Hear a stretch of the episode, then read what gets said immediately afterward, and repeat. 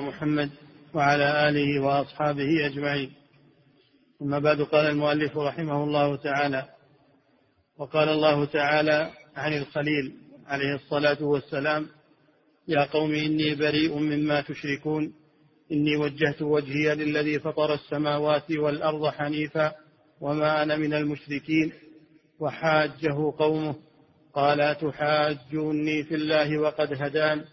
ولا أخاف ما تشركون به إلا أن يشاء ربي شيئا. إلى قوله تعالى الذين آمنوا ولم يلبسوا إيمانهم بظلم أولئك لهم الأمن وهم مهتدون. بسم الله الرحمن الرحيم. الحمد لله رب العالمين. الصلاة والسلام على نبينا محمد وعلى آله وأصحابه أجمعين.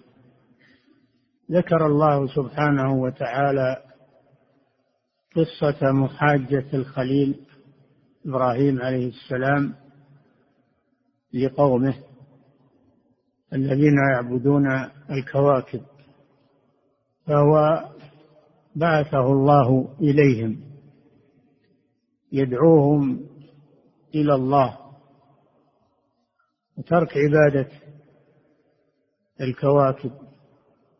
ناظرهم على ذلك كما ذكر الله سبحانه وتعالى في سورة الأنعام. ناظرهم في إبطال عبادة الكواكب. قال الله جل وعلا وكذلك نري إبراهيم ملكوت السماوات والأرض وليكون من الموقنين لأن الله بعثه رسولا فلا بد أن يعطيه من البراهين والعلم ما يخصم به المشركين. فلما جن عليه الليل جن عليه الليل يعني غطاه بظلامه رأى كوكبا نجما. قال هذا ربي. يريد بذلك أن أن يبطل عبادة الكواكب. هذا ربي أي بزعمكم. لأنهم يعبدون الكواكب. فهذا من باب التنزل معهم حتى يخصمهم. فلما أفل أي غاب النجم قال لا أحب الآفلين. دل على أنه مخلوق وأنه يدبر وأنه يطلع ويغيب بأمر الله سبحانه وتعالى يجري بأمر الله. دل على أنه على أنه مخلوق وأنه مسير لا يصلح للعبادة. لا أحب الآفلين انتهى من هذا. فلما رأى القمر بازغا القمر أكبر من من النجم. قال هذا ربي أي بزعمكم. فلما أفل يعني غاب القمر قال لئن لم يهدني ربي لأكونن من القوم الضالين. أي أن القمر لا يصلح أصبح لا يصلح للعبادة لأنه مسير. فلا يصلح للعبادة. فأنا أطلب من ربي أن يهديني إلى الحق والمعبود المعبود بالحق. فلما رأى الشمس بازغة قال هذا ربي هذا أكبر. الشمس أكبر من النجم وأكبر من القمر. فلما أفلت يعني غابت قال يا قوم إني بريء مما تشركون. أصبحت النجوم والكواكب لا تصلح للعبادة لأنها مسيرة مدبرة فلا تصلح للعبادة. يريد بذلك أن يبطل عبادتهم للكواكب إني بريء مما تشركون. من عبادتكم لغير الله من هذه النجوم وهذه الكواكب. هذا شرك بالله عز وجل لأنها لا تصلح للعبادة. وهذا فيه وجوب البراءة من دين المشركين. ولا نقول أنتم على دينكم ونحن على ديننا وكلنا سواء لا نقول أنتم دينكم باطل. لأنه لم يبنى على حق ولا على براهين. دينكم باطل.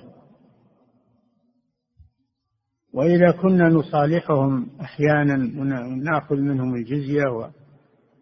ليس معنى ذلك أننا نسلم لهم دينهم. بل نعتقد بطلانه ونتبرأ منه. أما التعامل الدنيوي هذا شيء آخر. إنما الموالاة في الدين والموالاة العبادة هذا لا يجوز. مع المشركين ومع الكفار. بل تجب البراءة منهم ومن دينهم. وإن تعاهدنا معهم وصالحناهم وتعاملنا معهم فإننا نبرأ من دينهم. ونبرأ منهم أيضا. لا نحبهم حبا دينيا. يكون عندنا بغض لهم ولدينهم لكفرهم. إنني بريء مما تشركون. وين يروح؟ ما دام أبطل هذه الآلهة وين؟ وين يذهب؟ إني وجهت وجهي للذي فطر السماوات والأرض. أي خلق السماوات والأرض. الآن اتضحت الحجة وقام البرهان على بطلان الشرك وحقية توحيد وعبادة الله وجهت وجهي أي قصدي ونيتي وعبادتي الذي فطر السماوات والأرض أي خلقها من غير سابق من غير سابق وجود. أوجدها من العدم. فطرها يعني خلقها وبدأها من العدم. الذي فطر السماوات والأرض ولم يعنه أحد على ذلك. بل فطرها وخلقها بقدرته وعلمه سبحانه وتعالى. حنيفا أي معرضا عن دينكم. معرضا عن دينكم. وما أنا من المشركين. هذه براءة من المشركين. براءة من المشركين. بل أول إني بريء مما تشركون. وهنا قال وما أنا من المشركين. فتبرأ من الشرك ومن أهله. تبرأ من الشرك ومن أهله. وما أنا من المشركين. هذه براءة. وحاجه قومه خاصموه. ما تركوه ما تركوه بل خاصموه. ولما أعجزتهم الحجة والبرهان لجأوا إلى التهديد فأوقدوا له النار ليحرقوه. يتخلصوا منه. قال الله للنار كوني بردا وسلاما على إبراهيم. وحاجه قومه. قال أتحاجوني في الله؟ هل أحد يشكك في الله عز وجل؟ وهو فاطر السماوات والأرض خالق المخلوقات مسيرها مدبرها. هل أحد يشكك؟ أفي الله شك فاطر السماوات والأرض؟ لا شك فيه سبحانه وتعالى. أتحاجوني في الله وقد هدان؟ الله سبحانه وتعالى هداه الصراط المستقيم. وأما هم فإن الله أضلهم بسبب كفرهم. وعدم رغبتهم في الحق وإصرارهم على الباطل. هددوه بأن آلهتهم ستنتقم منه. قال ولا أخاف ما تشركون به. لا أخاف من, من آلهتكم. لا ولا, ولا أخاف ما تشركون به إلا أن يشاء ربي شيئا. وسع ربي كل شيء علما. أفلا تتذكرون؟ إلا أن يشاء ربي. يعني الإنسان عرضة ل عرضة للخطأ عرضة للانحراف فهو لا يزكي نفسه. لا يزكي نفسه إلا أن يشاء ربي شيئا. هذا راجع إلى الله سبحانه وتعالى. هذا في عدم تزكية النفس. وأن الإنسان يسأل الله الثبات. وقد قال في آية أخرى واجنبني وبني أن نعبد الأصنام. إلا أن يشاء ربي شيئا وسع ربي كل شيء علما. لا يعلم ما يكون عليه الإنسان في المستقبل إلا الله سبحانه وتعالى. فلا أضمن نفسي في المستقبل. إنما هذا إلى الله. أفلا تتذكرون؟ لما ذكرهم بحالة هذه الكواكب التي يعبدونها وأنها لا تصلح للعبادة حثهم على أن يتذكروا ويعتبروا ولكنهم على العكس والعياذ بالله يصرون على باطلهم. وكيف أخاف ما أشركتم ولا تخافون أنكم أشركتم بالله. أنتم تهددون بأصنامكم وتماثيلكم وأنا أهددكم بالله سبحانه وتعالى. فكيف أخاف من أصنامكم وأنتم لا تخافون؟ من الله عز وجل أن يعاقبكم. أصنامكم مخلوقة لا تصنع شيئا. والله جل وعلا هو القادر على كل شيء. فكيف لا تخافون الله عز وجل؟ كيف أخاف ما أشركتم؟ ولا تخافون أنكم أشركتم بالله. ما لم ينزل به سلطانا حجة وبرهانا على صحة عبادته. فأي الفريقين أحق بالأمن؟ أنا أو أنتم؟ أنتم تهددون وأنا أهددكم. كيف أي الفريقين أحق بالأمن؟ إن كنتم تعلمون.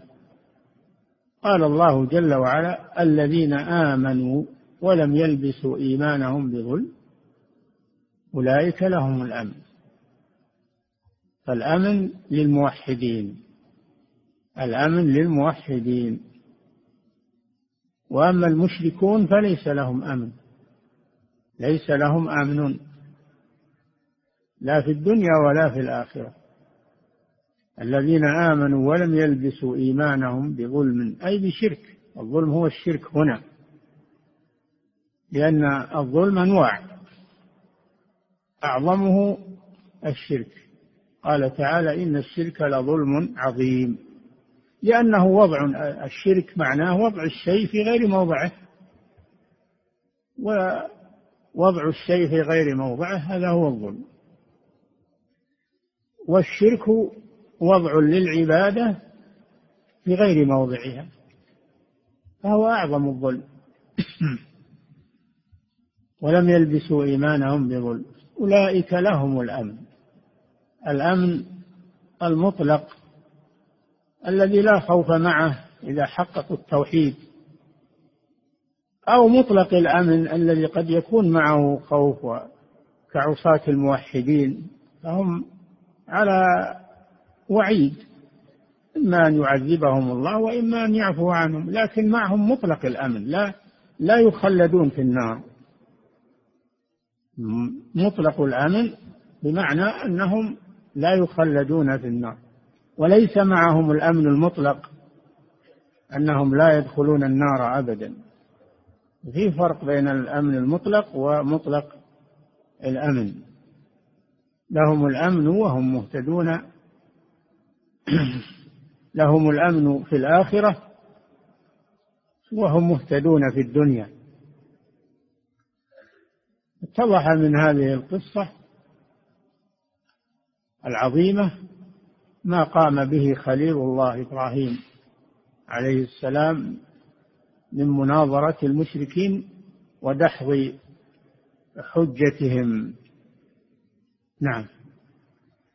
وفي الصحيحين عن عبد الله بن مسعود رضي الله عنه أن هذه الآية لما نزلت شق ذلك على أصحاب النبي صلى الله عليه وسلم. وقالوا يا رسول الله شق ذلك على أصحاب رسول الله صلى الله عليه وسلم. ليش؟ لأن الله قال ولم يلبسوا إيمانهم بظلم فهم فهموا أن الظلم هو المعاصي وقل من يسلم من المعاصي شق ذلك عليهم. فبين لهم صلى الله عليه وسلم أن المراد بالظلم هنا الشرك. نعم. لما نزلت شق ذلك على أصحاب النبي صلى الله عليه وسلم وقالوا يا رسول الله أينا لم يلبس إيمانه بظلم. يعني بمعاصي. ما أحد يسلم ما ما أحد معصوم. من المعاصي إما كبائر وإما صغائر. نعم. فقال صلى الله عليه وسلم ألم تسمعوا إلى قول العبد الصالح إن الشرك لظلم عظيم؟ عبد الصالح وهو لقمان. وهو لقمان. وإذ قال لقمان لابنه وهو يعظه يا بني لا تشرك بالله إن الشرك لظلم عظيم. فالمراد بالظلم هنا الشرك. نعم.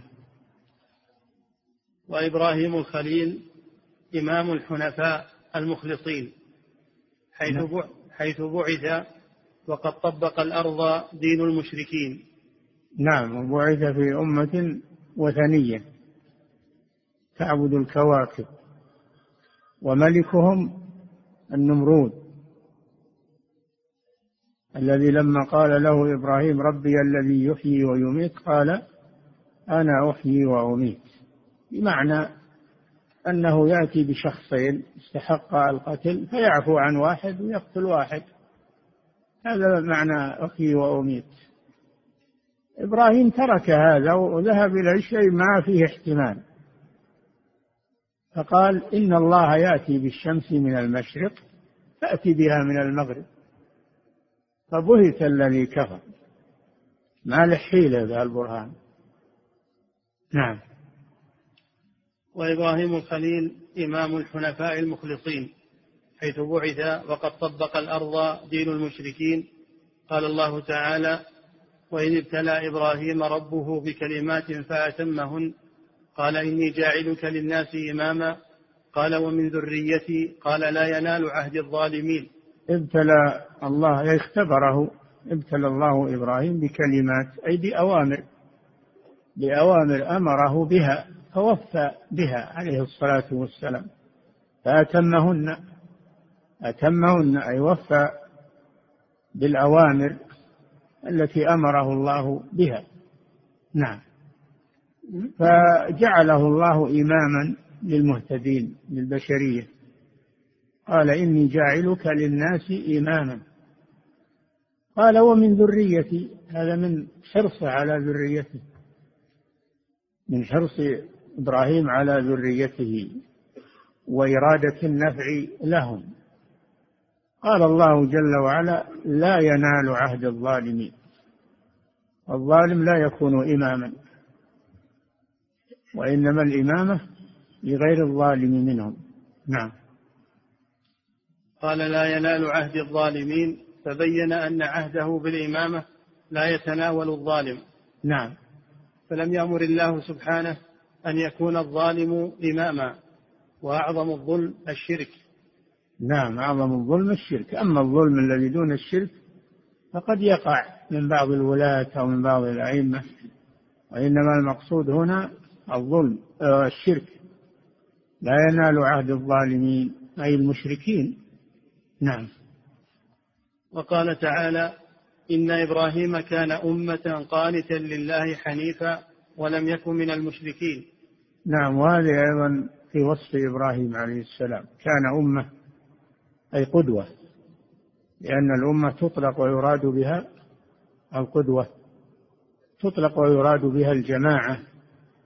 من الناس وجد عليه أمة من الناس. أي جماعة تطلق الأمة ويراد بها الفترة من الزمن. وقال الذي نجا منهما وادكر بعد أمة أي بعد زمن فترة. فالمراد هنا القدوة إن إبراهيم كان أمة أي قدوة في الخير. نعم.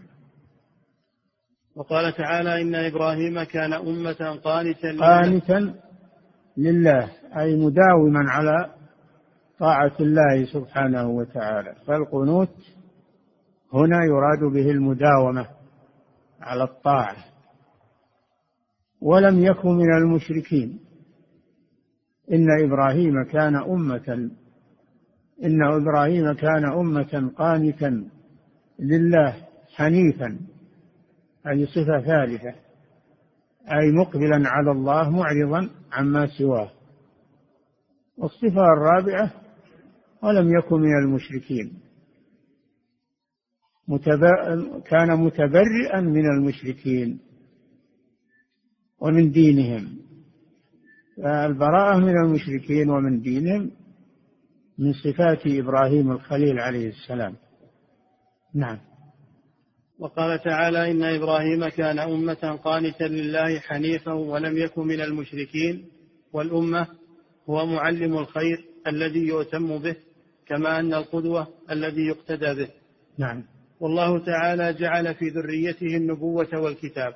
نعم ومما جازاه الله به على إتمامه الكلمات أن الله جعله إماما. للناس. ومن أيضا من آه النعم التي أعطاها إياه جزاء له أنه جعل النبوة من بعده في ذريته. كل الأنبياء الذين جاءوا بعد إبراهيم عليه السلام فهم من ذريته. ذرية إسرائيل. عليه السلام إلا من صلى الله عليه وسلم من ذرية إسرائيل وأما بقية من إبراهيم فهم من ذرية إسرائيل الله تعالى الزبور كله في ذرية إبراهيم عليه السلام. نعم. وإنما بعث الأنبياء بعده بملته. نعم بملة التوحيد. وإن اختلفت شرائعهم فملتهم وعقيدتهم واحدة وهي التوحيد الخالص لله عز وجل. نعم. وإنما بعث الأنبياء بعده بملته قال تعالى ثم أوحينا إليك أن اتبع ملة إبراهيم حنيفا وما كان من المشركين. نعم. ثم قال الله جل وعلا لخاتم النبيين من ولد إبراهيم محمد عليه الصلاة والسلام ثم أوحينا إليك أن اتبع ملة إبراهيم في التوحيد والعقيدة والإخلاص لله عز وجل. نعم. وقال تعالى إن أولى الناس بإبراهيم للذين اتبعوه وهذا النبي والذين آمنوا والله ولي المؤمنين. هذا رد على اليهود والنصارى الذين ادعوا أن إبراهيم أن أنهم أنهم أتباع إبراهيم أن إبراهيم منهم. فاليهود يدعون أن إبراهيم منهم والنصارى كذلك يدعون أن إبراهيم منهم. الله رد عليهم لأنكم لستم من إبراهيم في شيء وأنتم تخافون آلاف السنين من إبراهيم عليه السلام. فكيف تزعمون أن إبراهيم منكم؟ ما كان إبراهيم يهوديا ولا نصرانيا ولكن كان حنيفا مسلما. إن أولى الناس بإبراهيم للذين اتبعوه واليهود لم يتبعوا إبراهيم النصارى لم يتبعوا إبراهيم عليه السلام للذين اتبعوه. وهذا النبي يعني محمد صلى الله عليه وسلم. نعم. إن أولى الناس بإبراهيم للذين اتبعوه وهذا النبي والذين آمنوا. والذين آمنوا. وأولى الناس بإبراهيم بعد النبي محمد صلى الله عليه وسلم الذين آمنوا. وأما الكفار من اليهود والنصارى فليس لهم علاقة بإبراهيم عليه الصلاة والسلام وهو بريء منهم لأن إبراهيم يقول وما أنا من المشركين. نعم. والذين آمنوا والله ولي المؤمنين. نعم. وقال تعالى ما كان إبراهيم يهوديا ولا نصرانيا. وهذا رد عليهم أيضا. نعم. ما كان إبراهيم يهوديا ولا نصرانيا بل كان حنيفا مسلما. واليهودية والنصرانية انحرفت عن التوحيد إلى الشرك بالله عز وجل. نعم. ما كان إبراهيم يهوديا ولا نصرانيا ولكن كان حنيفا مسلما وما كان من المشركين. نعم. وقال تعالى وقالوا كونوا هودا أو نصارى تهتدوا اللي يقولون الآن الديانات الثلاث هي ديانة إبراهيم كذبة. إنما دين الإسلام هو دين إبراهيم عليه الصلاة والسلام. أما اليهود والنصارى بعدما حرفوا وبدلوا وغيروا فليسوا على دين إبراهيم. وليسوا منه وليس منهم. نعم. وقال تعالى وقالوا كونوا هودا أو نصارى تهتدوا. نعم ويقولون للمسلمين كونوا هودا. اليهود يقولون للمسلمين كونوا يهودا تهتدوا والنصارى يقولون للمسلمين كونوا نصارى تهتدوا. هذا من ضلالهم والعياذ بالله وإعجابهم بأنفسهم. قل بل ملة إبراهيم حنيفا وما كان من المشركين. بل نكون على ملة إبراهيم. وإذا أردتم الهداية كما تزعمون فكونوا على ملة إبراهيم. نعم. وقالوا كونوا هودا أو نصارى تهتدوا. قل بل ملة إبراهيم حنيفا وما أنا وما كان من المشركين. نعم. النصارى أنهم يكفرون ببعض الأنبياء ويؤمنون ببعض ويكفرون ببعض. فالمؤمن حقا لا يفرق بين الأنبياء. فهذه الأمة ولله الحمد المحمدية لا تفرق بين الأنبياء بل تؤمن بالجميع. قولوا آمنا بالله وما أنزل إلينا وما أنزل إلى إبراهيم وإسماعيل وإسحاق ويعقوب والأسباط ما أوتي موسى وعيسى وما أوتي النبيون من ربهم لا نفرق بين أحد منهم. ونحن له مسلمون. نحن مسلمون لله سبحانه وتعالى منقادون لأمر الله. فإن آمنوا بمثل ما آمنتم به فقد اهتدوا. هذا رد عليهم. فإن آمنوا بمثل ما آمنتم به وهو الإيمان بجميع الأنبياء وبجميع الكتب فقد اهتدوا. يقولون كونوا هودا أو نصارى تهتدوا الله بين من هو المهتدي. هو الذي يؤمن بجميع الأنبياء ولا يفرق بينهم ويؤمن بجميع الكتب. هذا هو المهتدي. نعم. وقد ثبت في الصحيح يعني وقالوا قل كونوا. نعم. قولوا آمنا بالله وما أنزل إلينا وما أنزل إلى إبراهيم وإسماعيل وإسحاق ويعقوب والأسباط. والأسباط هم بطون بني إسرائيل فيهم الأنبياء أنبياء بني إسرائيل. نعم. وما أوتي موسى وعيسى وما أوتي النبيون من ربهم لا نفرق بين أحد منهم ونحن له مسلمون. لا نفرق بين أحد منهم. أنتم تفرقون بين الأنبياء. تؤمنون تؤمنون ببعضهم وتكفرون ببعضهم. اليهود يكفرون بعيسى وبمحمد. عليهم الصلاة والسلام. والنصارى يكفرون بمحمد صلى الله عليه وسلم. هم يفرقون بين الأنبياء. فكيف يكونون مهتدين؟ يقولون للناس كونوا هودا أو نصارى تهتدوا نعم. وقد ثبت في الصحيح عن النبي صلى الله عليه وسلم إن إبراهيم خير البرية. نعم إبراهيم خير البرية بشهادة القرآن. بشهادة القرآن أنه خير البرية. كان أمة قانتا لله حنيفا ولم يكن من المشركين شاكرا لأنعمه. اجتباه وهداه إلى صراط مستقيم. نعم. فهو قال إني جاعلك للناس إماما. نعم. وقد ثبت في الصحيح عن النبي صلى الله عليه وسلم إن إبراهيم خير البرية. فهو أفضل الأنبياء بعد النبي صلى الله عليه وسلم. أفضل الأنبياء إبراهيم أفضل الأنبياء على الإطلاق محمد صلى الله عليه وسلم خاتم النبيين. ثم إبراهيم عليه السلام. الخليلان إبراهيم الخليل ومحمد الخليل عليهما الصلاة والسلام. أفضل الأنبياء. نعم. فهو أفضل الأنبياء بعد النبي صلى الله عليه وسلم وهو خليل الله تعالى. نعم. وقد ثبت في الصحيح عن النبي صلى الله عليه وسلم من غير وجه أنه قال إن الله اتخذني خليلا كما اتخذ إبراهيم خليلا.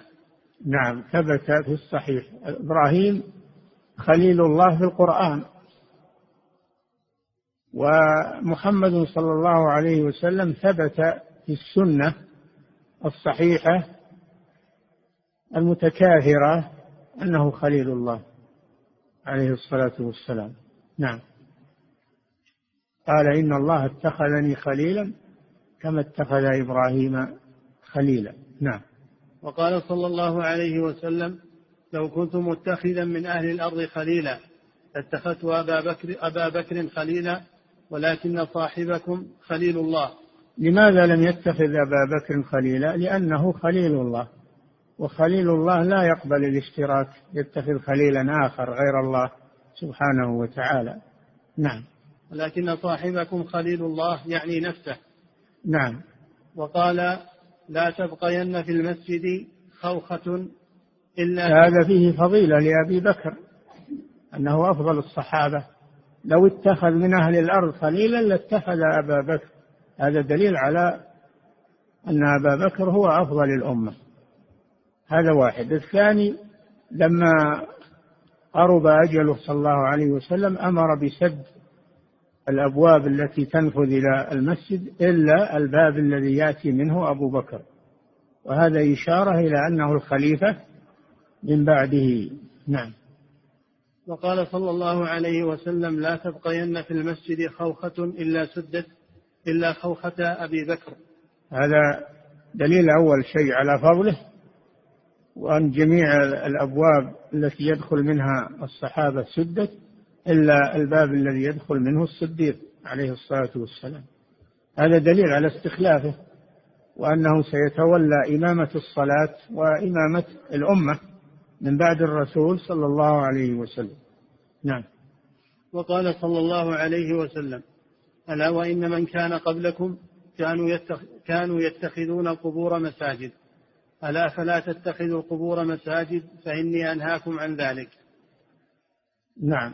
وكل هذا في الصحيح. نعم. من كان قبلكم من الأمم كاليهود والنصارى يتخذون القبور مساجد. بمعنى أنهم يصلون عندها تقربا إليها أو توسلا بها إما أنه يتقرب إلى الميت هذا شرك أكبر وإما أنه يتقرب إلى الله ولكن يعبد الله عند القبر وهذا وسيلة إلى الشرك. وسيلة إلى الشرك وهو يؤدي إلى الشرك. ومع تحذير النبي صلى الله عليه وسلم من ذلك وقع في هذه الأمة من اتخذ القبور مساجد وبنى عليها المساجد. نعم. ألا وإن من كان قبلكم كانوا يتخذون القبور مساجد. ألا فلا تتخذوا القبور مساجد فإني أنهاكم عن ذلك. نعم سدا لذريعة الشرك. الإنسان قد يصلي عند القبر لا يريد إلا الله يصلي لله. هو يصلي للقبر. لكن هذا المكان لا يصلح للصلاة. لأنه وسيلة إلى الشرك. نعم. وكل هذا في الصحيح وفيه أنه قال ذلك قبل موته بأيام وذلك من تمام رسالته.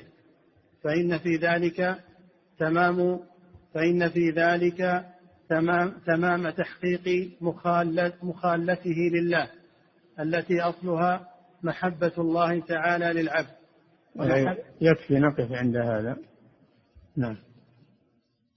يقول فضيلة الشيخ وفقكم الله هل يجوز استعمال أسلوب إبراهيم عليه السلام عند مجادلة القبوريين؟ كقولنا صاحب هذا القبر بزعمكم يجيب الدعاء تعالوا ندعوه ولننظر هل يجيب الدعاء.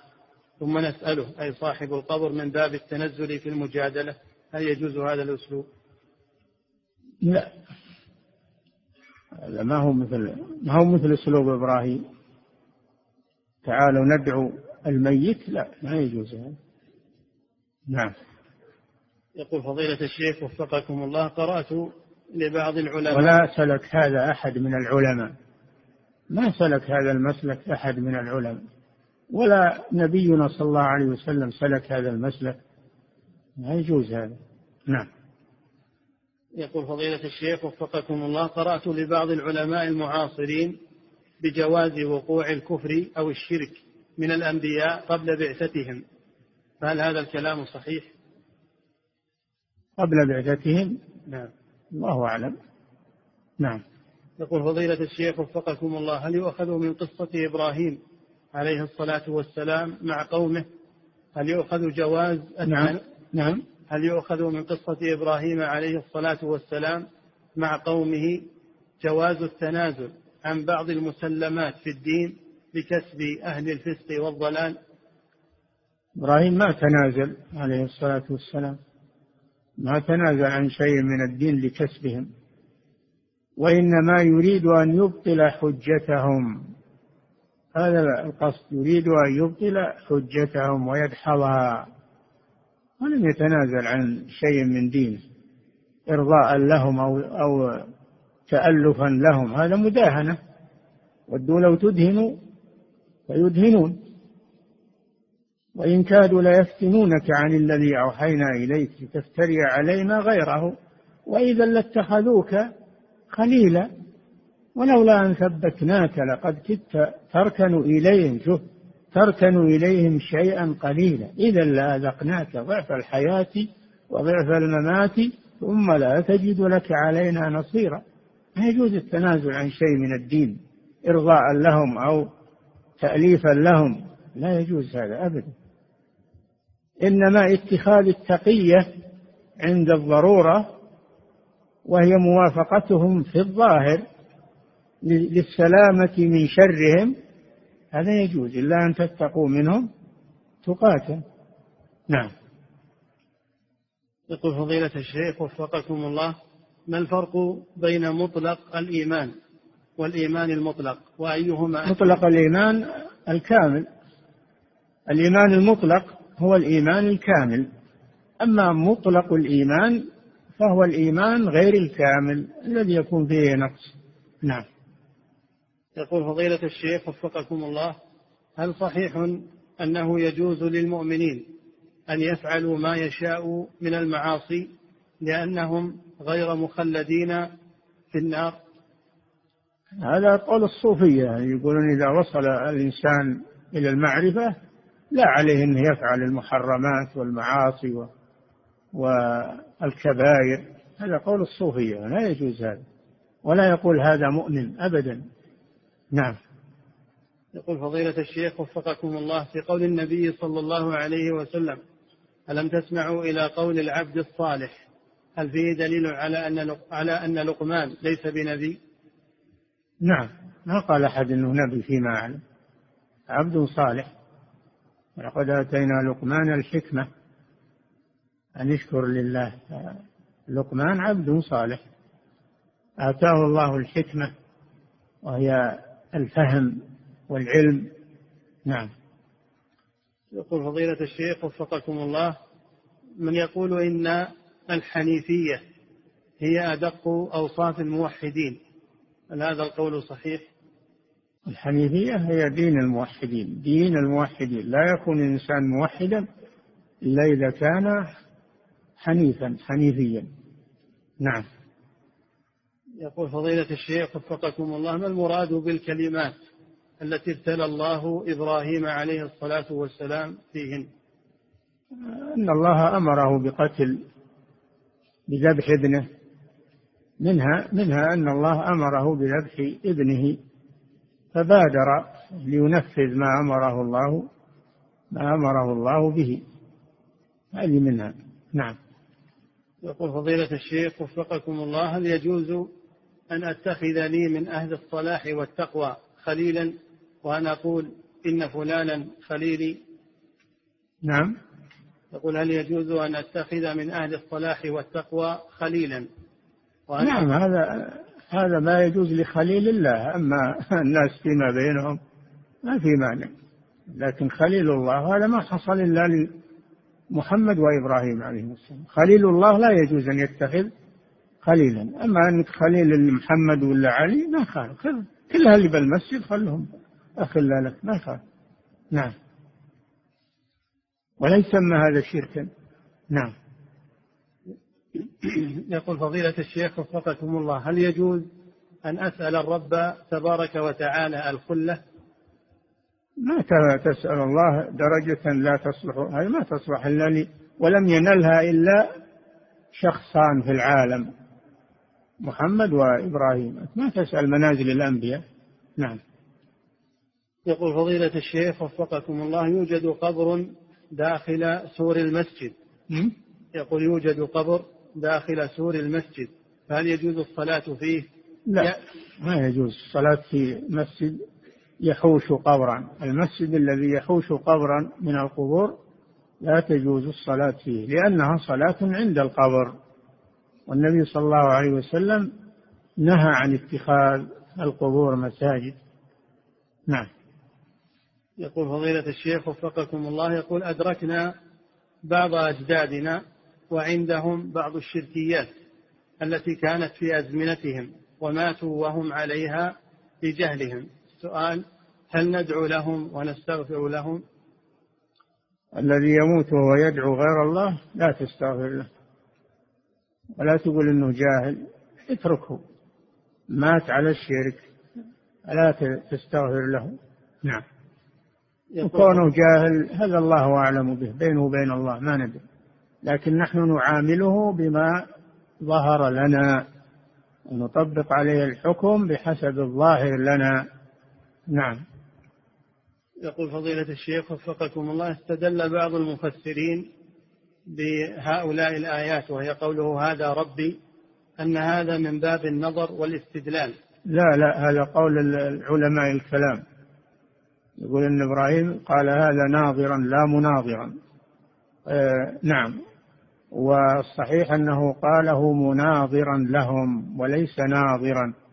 هذا كلام علماء الكلام والمنطق وهو قول باطل. فإبراهيم على الفطرة. ما يحتاج إلى النظر في الكائنات. ما كان بالأول لا يعرف الله حتى نظر في هذه الكائنات. نعم. يقول فضيلة الشيخ وفقكم الله في قول قوم فرعون لفرعون ويذرك نعم. نعم. في قول قوم فرعون لفرعون ويذرك وآلهتك. فهل لفرعون آلهة؟ وقد قال الله عنه في آية إلهتك في قراءة إلهتك. آلهتك يعني عبادتك. المراد بها عبادتك. لأنهم يعبدون فرعون. وموسى خشوا على أن موسى يبطل عبادة الناس لفرعون. ويذرك وآلهتك. أي عبادة عبادة الناس لك. نعم. يقول فضيلة الشيخ وفقكم الله يقول إن والدي مقصر في عبادة الله حيث يعمل عملا شاقا ثقيلا فيترك الصلاة بالكلية بسبب هذا العمل الثقيل. وبعدما ينتهي يصلي ويعود إلى الله وقد نصحته كثيرا وقال أنا أعمل لأطعمكم والعمل عبادة. فدعوت الله له كثيرا ونصحته لكن لا ينتهي.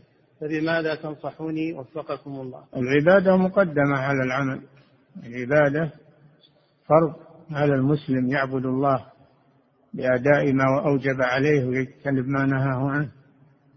مقدمة على العمل الدنيوي فلا يجوز له ذلك وليس له عذر في ذلك. نعم. ولو أنه توكل على الله وعبد الله لرزقه الله. نعم. من يتق الله يجعل له مخرجا ويرزقه من حيث لا يحتسب. نعم. والله جل وعلا قال فابتغوا عند الله الرزق واعبدوه واشكروا له. نعم. يقول فضيلة الشيخ وفقكم الله ما المراد بالأسباط والصابئة؟ الأسباط بطون بني إسرائيل. هم الأصل أولاد يعقوب لأنهم 12 أولاد يعقوب فذريتهم يسمون الأسباط. فيهم أنبياءهم. هؤلاء هم الأسباط. طوائف بني إسرائيل أي بطون بني إسرائيل 12 قطعناهم اثنتي عشرة أسباطا أمما. أسباطا أمما. يقولون أنهم مثل القبائل في العرب. نعم مثل القبائل في العرب. والثاني وش السؤال؟ ها؟ الصابئة.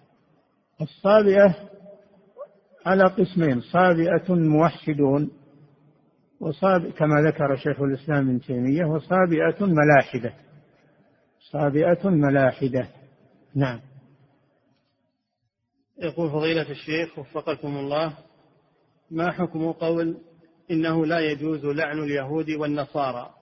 وما حكم الله لعنهم الله لعنهم لكن إن الإنسان يشتغل بلعن اليهود والنصارى هذا ليس فيه عبادة الله لعنهم يكفي إلا إذا كان هذا لسبب تريد أن تحذر من فعل اليهود تقول لعنة, لعنة الله على اليهود فعلوا كذا وكذا لعنهم النبي صلى الله عليه وسلم.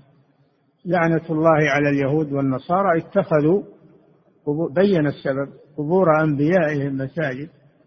فإذا كانت اللعنة مربوطة بعمل من أعمالهم الخبيثة فلا بأس بذلك. نعم. يقول فضيلة الشيخ وفقكم الله هل من وافق الأشاعرة في تأويل صفة واحدة هل يسمى أشعري؟ فيما وافقهم به يسمى أشعريا فيما وافقهم فيه. نعم. يقول فضيلة الشيخ وفقكم الله يقول عندي قريب لي مسحور وعندما يقرأ القرآن يثقل عليه ولا يستطيع الاستمرار ولا يريد أن يرقيه أحد بحجة أن لا يحرم من الدخول مع السبعين ألف الذين يدخلون الجنة بغير حساب. وقد أصبح يا فضيلة الشيخ مقصرا في الطاعة فما الحل الشرعي له؟ وهل يعني مقصر بالطاعة ويكون من السبعين. المقصر في الطاعة لا يكون مع السبعين. السبعون كملوا الطاعة. فعلوا الواجبات والمستحبات وتركوا المحرمات والمكروهات وبعض المباحات احتياطا. هؤلاء هم السبعون الألف. تركوا الكي تركوا الكي لأنه مكروه النبي صلى الله عليه وسلم كره الكي وتركوا الطيرة لأنها شرك. وتركوا سؤال الناس الرقية لأن سؤال الناس ذلة. هم ترفعوا عن مسألة الناس. أما أن يجي واحد ويرقيه بدون سؤال فلا بأس. لكن هو ما يطلب الرقية ما يطلب من أحد. أما يجي واحد ويرقيه ما في مانع. نعم. يقول فضيلة الشيخ وفقكم الله هل يجوز أن يقال في الدعاء أنخنا مطايانا ببابك؟ يعني كناية عن عن ذلهم لله عز وجل وحاجتهم إلى الله. ما في مانع. نعم. يقول فضيلة الشيخ وفقكم الله من يؤمن أن الزلازل من الله بسبب ذنوب العباد لكن يجعل من أسبابها بعض الظواهر الطبيعية فما الظواهر الطبيعية هي من أسباب الذنوب. الظواهر الطبيعية التي تحدث في الكون هي من أسباب الذنوب. نعم. ولا يسمى طبيعية يسمى آيات. يا إخوان تعبير القرآن وتعبير السنة